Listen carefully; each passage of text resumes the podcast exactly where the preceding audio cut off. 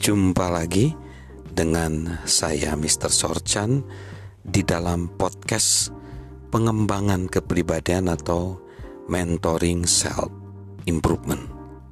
Saat ini kita akan belajar menempatkan bersama-sama menjalin hubungan yaitu secara visual, secara intelektual dan juga secara verbal, menempatkannya secara bersama-sama.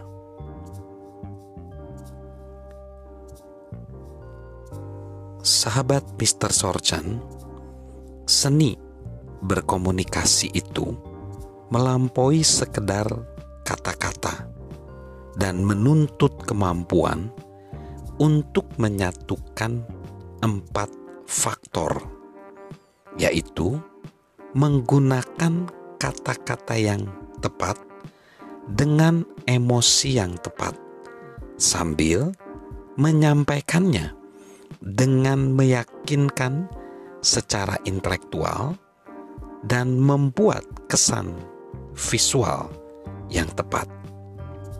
Dan semua ini perlu dilakukan dengan nada suara yang tepat ekspresi wajah yang tepat dan bahasa tubuh yang positif.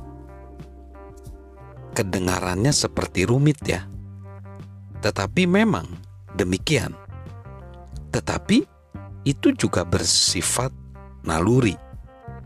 Nasihat terbaik yang dapat John berikan kepada sahabat Mr. Sorchan adalah supaya kita belajar menjadi diri sendiri.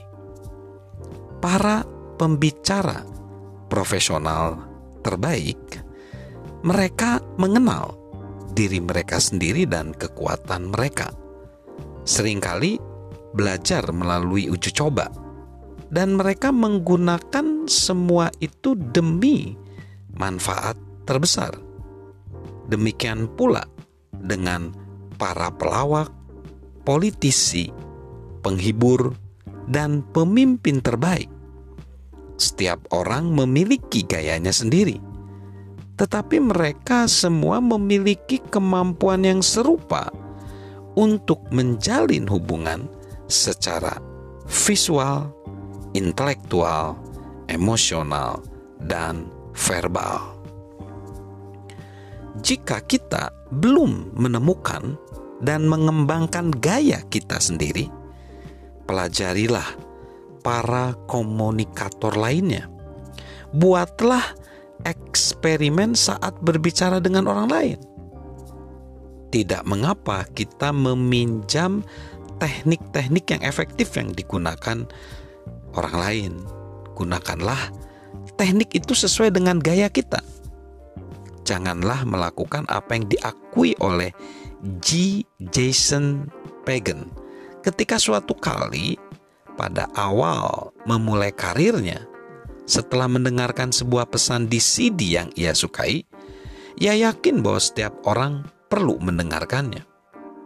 Dia bilang gini, saya mendengarkan CD itu dan mengetik pesan itu kata per kata. Jason menjelaskan, ketika tiba saatnya saya menyampaikannya seperti yang saya dengarkan, tak pelak lagi. Saya nampak seperti burung nuri hijau dan biru mengulang-ulang apa yang telah mempengaruhi saya. Itu hanya memiliki sedikit dampak saja. Jason menyimpulkan, orang membutuhkan pengaruh Anda, tetapi itu tidak datang melalui peniruan orang yang Anda kagumi. Jadi, sahabat Mr. Sorchan, pesan kita harus dari diri kita.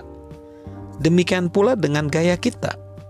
Berusahalah untuk menemukan gaya kita dan mengembangkan keterampilan-keterampilan kita sebagai seorang konektor dalam situasi apa pun. Dan sementara kita mempelajari keterampilan ini, ingatlah sebagian besar yang kita komunikasikan itu bersifat visual dan lebih dari sekedar kata-kata. Dan ingatlah kata-kata dari Ralph Waldo Emerson yang berkata, "Apa yang Anda katakan itu terlalu keras sehingga saya tidak dapat mendengarkan apa yang Anda katakan." Salam untuk menjadi konektor.